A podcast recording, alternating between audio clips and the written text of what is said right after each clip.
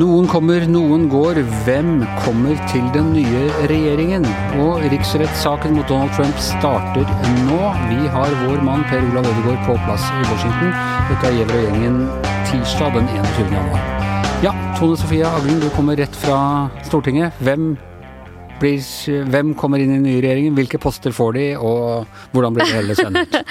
Ja, jeg kan i hvert fall bedømme ut fra Stortinget i dag, eh, så var det vel egentlig mer journalister og sånn som eh, eh, sneik rundt enn det var politikere. For alle politikerne er jo rundt på komitéreiser og sånn, og det her er jo en øvelse som vi setter stor pris på. Men jeg, jeg tror ikke vi har hele kabalen klar riktig ennå. Var det sånn at dere begynte å intervjue hverandre? Det er alltid sånn krisetegn. ja, vi, om vi ikke intervjua hverandre, så var det mye prøving av hypoteser, i hvert fall.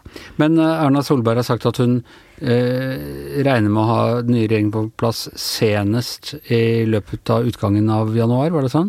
Ja. ja. Så da har hun halvannen uke, da. Min spådom er vel kanskje at det ikke trekker så langt. Eh, jeg blir overraska om de ikke allerede i helga begynte å tenke lite grann. Og det er jo, selv om det kan være en betydelig ommøblering som skal på plass, så er det jo litt begrensa hvor mange navn som skal inn.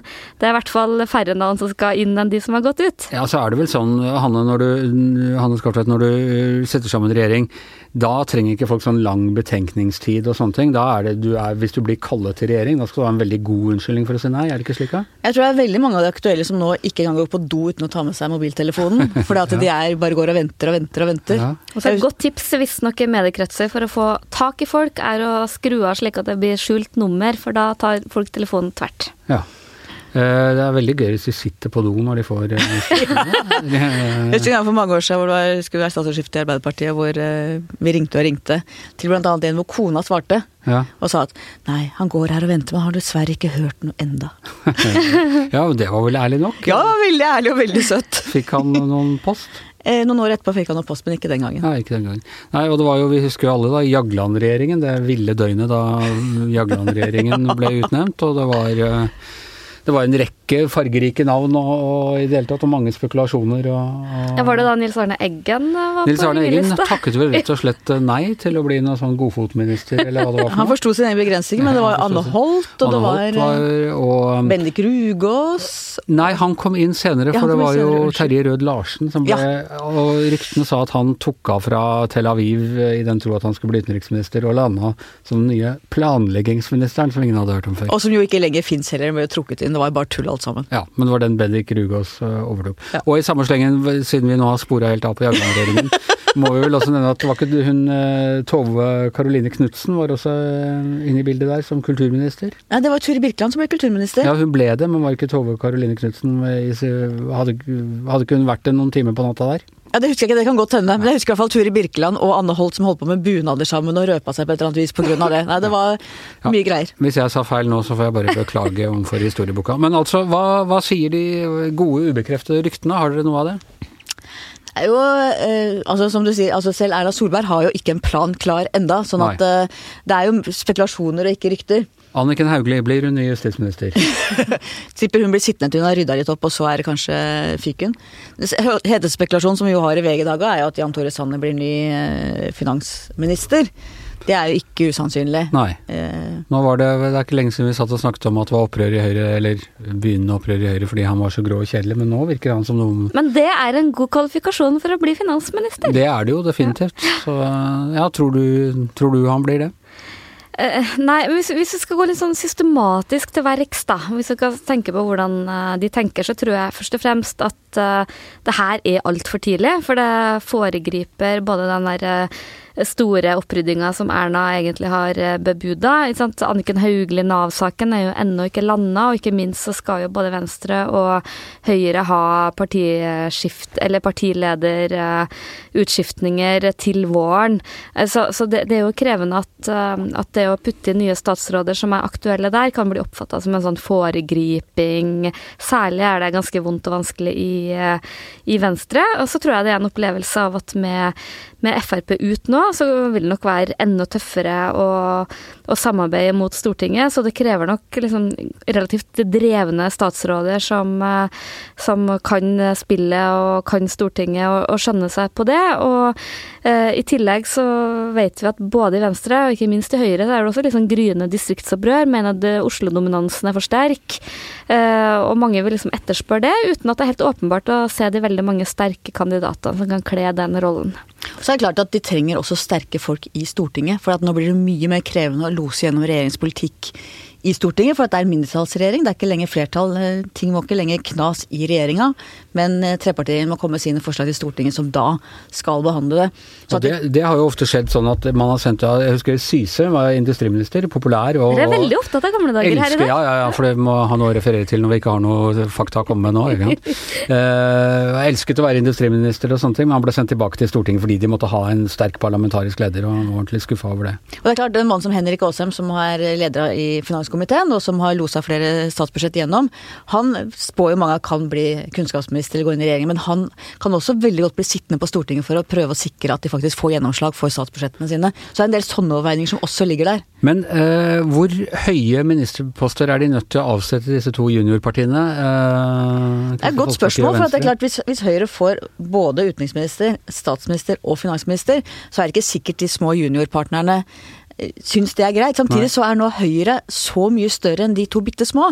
Mens du hadde jo et Frp i midten som på en måte balanserte ut. sånn at eh, de, Høyre må passe på både at de får det de skal ha, men også at de ikke kjører over de små så de mister all selvtillit og skal ha masse andre politiske seire for å på en måte klare å få velgere. Så det er ikke noe lett jobb Erna har nå, altså. Hva tror du, Tone Sofie, hvor høyt opp må det? Oljeminister? Nei, Ja, men jeg er litt sånn usikker på om det først og fremst er eh, f.eks. finansminister, da. Ja. Eh, som er for så vidt ærefullt. Eh, og Men upopulært òg.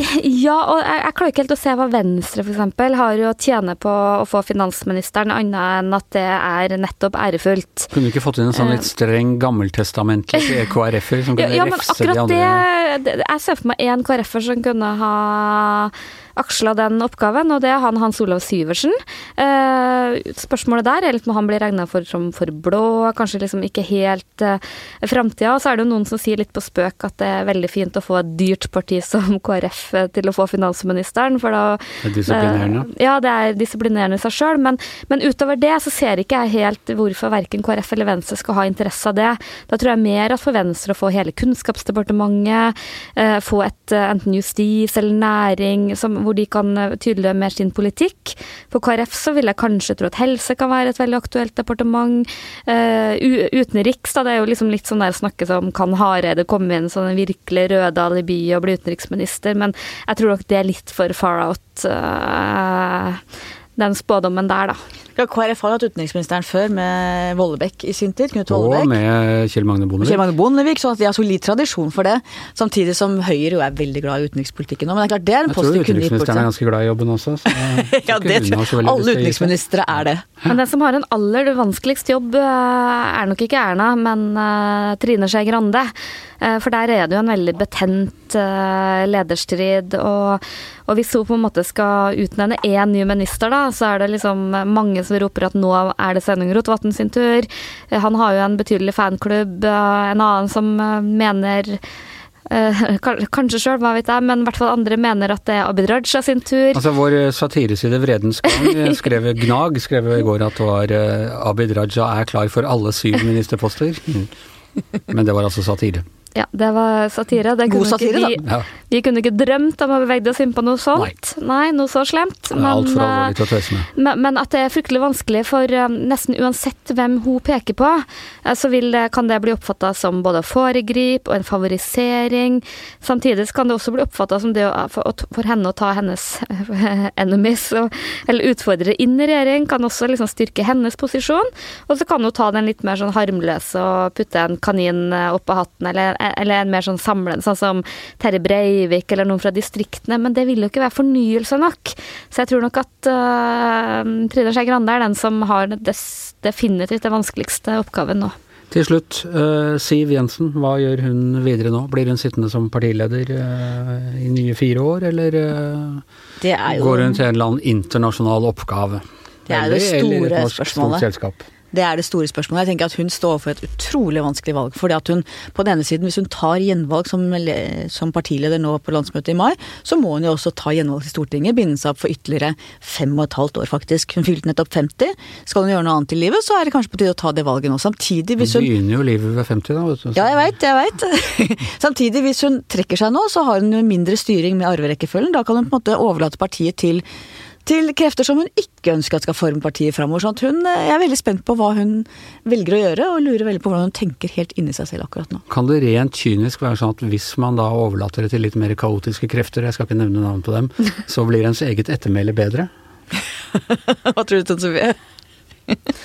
Ja, Siv Jensen er jo utrolig respektert i alle fløyer i Frp, men, men, men det er jo en viss smurring nå. og jeg må si at jeg har veldig vanskelig for å se for meg og det, Jeg tenkte da jeg satt i stortingsrestauranten i dag og så liksom de politikerne som gikk fram og tilbake der eh, dag etter dag inn i spørretimen og sånn, at, at, at, hun skal gjøre det her i mange flere år, det etter å ha vært finansminister. Jeg vil tro at det må være noen toppjobber der ute som frister mer, da. Så hørte vi jo Sylvi Listhaug på Politisk kvarter på P2 i morges, så det er jo en litt annen tone enn eh, en den eh, Siv Jensen kjører. Ja, og det vil nok være en sånn identitetskrise i Frp med Siv Jensen, som nok vil være opptatt av å fortsatt bygge bruer og ha en god relasjon til sine gamle regjeringspartnere, mens Sylvi Listhaug nok vil kjøre en helt annen. Og allerede nå har du vært ute og varsla at uh, KrF sine seire i bioteknologi kan du nå bare se langt etter. Og Vi har jo snakka om sprekk i laget i den firepartiregjeringa som nå eh, tar slutt, men det er også enorm sprekk i laget internt i Frp.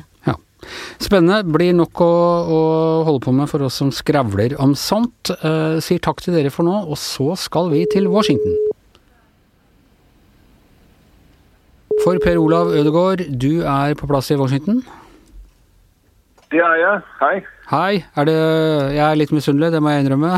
Hvordan er været der borte? Her er det en skyfri dag. Det gryr av dag her nå. Og det er uh, skyfri himmel over uh, Capitol Hill, og uh, kaldt er det. Det er minusgrader. Ja.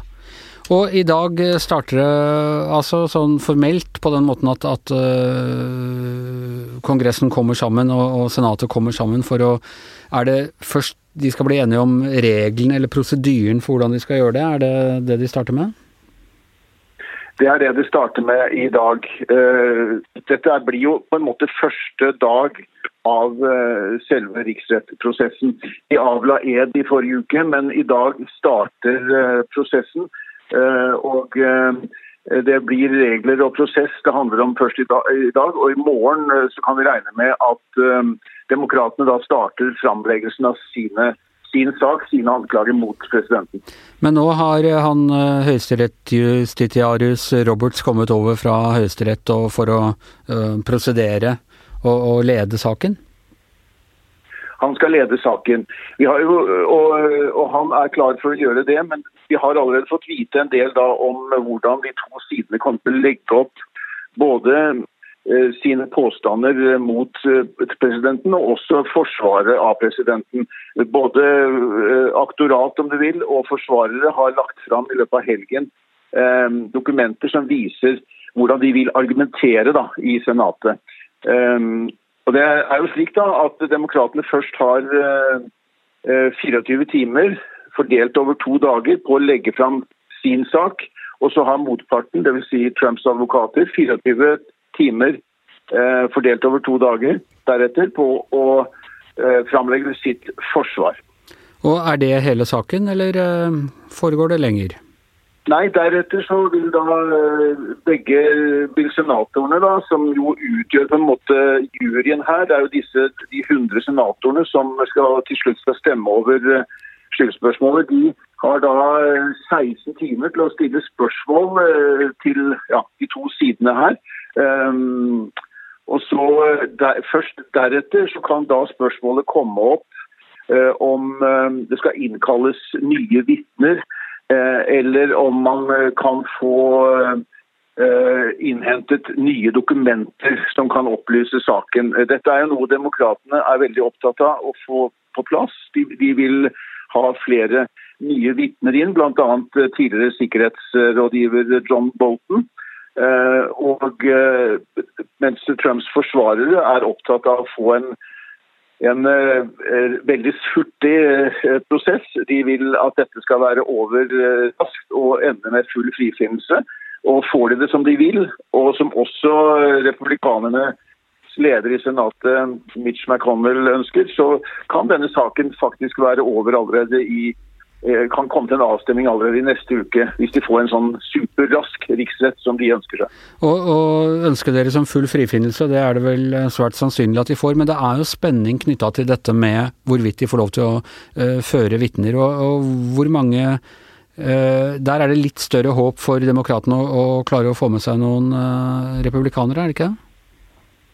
Jo da, fordi det er jo slik at eh, som du sier, så er jo to tredjedels flertall skal jo da til for å finne en president skyldig. da. Det er jo eh, veldig usannsynlig ettersom eh, republikanerne har 53 av disse 100 senatorene. Og så har demokratene pluss to uavhengige, de har da 47. De trenger å få med seg fire, minst fire republikanere for å få et, et, flertall på 51. Det er nok til å, og, og, på en måte bestemme dagsorden og bestemme hvordan prosessen skal føres. Så Hvis uh, demokratene får med seg fire republikanere, så uh, kan man da få en mye lengre uh, riksrettsprosess som kan vare langt inn i februar. Uh, og, og, og, da kan også Det er klart at også Trumps folk har en plan B her. For hvis demokratene stevner inn vitner som de ønsker, så vil uh, republikanerne svare med å innfalle ønsker som, nei, vitner som de mener styrker deres sak. Da kan det bli en lang prosess. Det er ikke helt utenkelig at um, altså det, mens det er helt nærmest utenkelig at um, 20 republikanske senatorer skal finne Trump skyldig, så er det ikke utenkelig at Eh, fire replikanske senatorer kan skifte side her og gå inn for å få en grundigere behandling i eh, Senatet. Ehm, også fordi at eh, det er ikke Flere av disse skal jo, jo, skal jo gjenvelges eller stille til valg i år. Da, og det er det man vet av meningsmålinger her, er jo fortsatt et flertall amerikanere mener jo at Trump har gjort seg skyldig i disse tingene han anklages for. Og ikke minst er det et flertall som ønsker at det skal føres vitner, er det ikke det? Jo, et klart flertall. Et, et, et meget solid flertall. Og der er faktisk der er ikke, Det er ikke noe overbevisende stemning blant republikanere heller for at man skal ha en sånn superrask sak. Man, mange ønsker eh, at et, et, et, meget stort flertall eh, totalt, og også blant republikanerne litt mer splittet. Men der også er det absolutt støtte for å ha en mer omfattende eh, prosess da, i Senatet. Så hvilke, dette kan bli veldig interessant. Hvilke, hvilke, republikanere er det mest håp om at snur? Vår gamle venn Mitt Romney, selvfølgelig, men, eh, men er det noen andre ja, kjente navn? Det blir jo alltid disse som, eh, nevner, disse som da faktisk fortsatt uh, i et veldig partisk, uh, poli, partipolitisk partisk USA, hvor polariseringen er veldig sterk, så er det noen som iblant faktisk stemmer mot Trump og Det hvite hus, uh, og blant de er Mitt Romney.